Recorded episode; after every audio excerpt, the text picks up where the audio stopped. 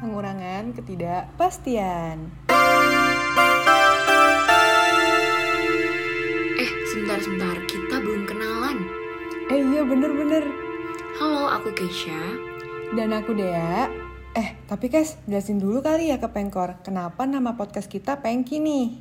Karena kita berdua bakal menemani para pengkor. Buat mengupas tuntas Pengki, yaitu pengurangan ketidakpastian.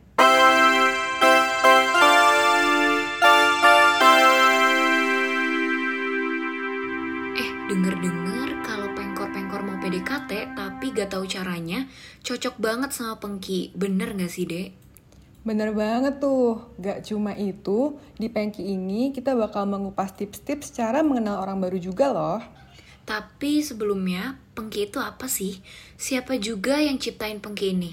Penasaran banget gak sih? Jadi jangan di skip ya Pengkor. Let's go! Oke,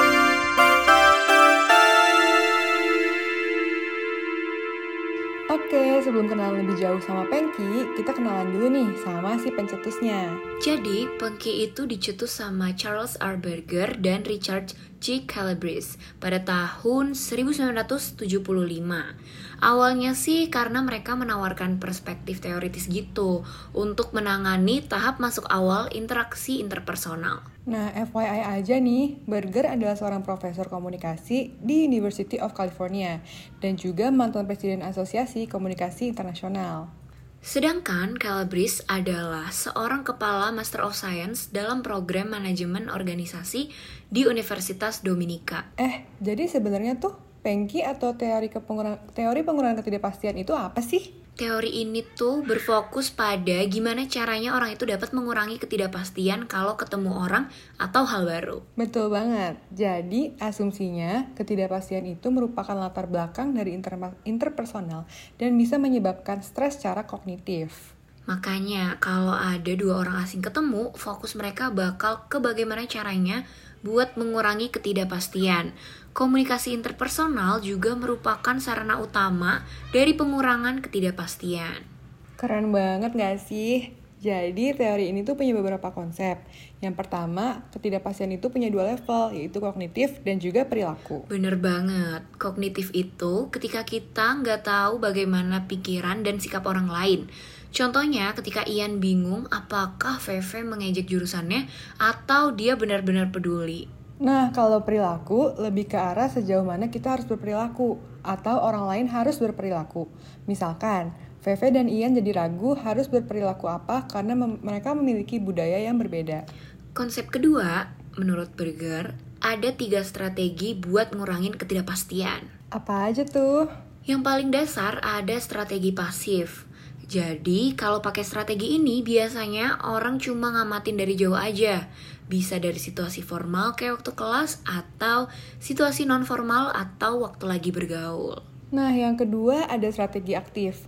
Kalau strategi ini, orang cenderung tanya-tanya ke orang lain nih tentang orang yang pengen dia tahu. Ya, kayak kepo-kepo kecil lah ya. Pinter banget deh ya. Terakhir nih, ada strategi interaktif. Kan tadi cuma ngamatin dari jauh dan pakai perantara.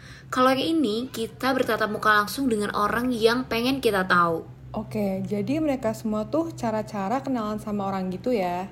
Hmm, kalau gitu kasih tahu contohnya dong Kak Kesha. Gini-gini, kalau kita baru masuk kelas buat pertama kalinya, kan kita nggak tahu ya tipe-tipe orangnya itu kayak gimana.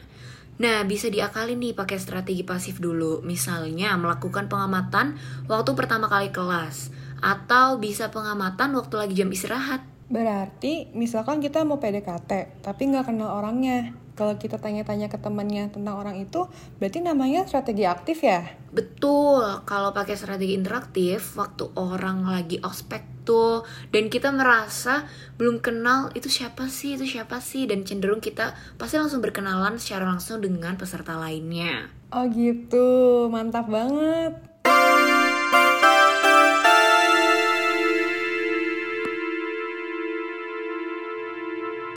Pengurangan ketidakpastian keren banget gak sih? Aduh, keren banget.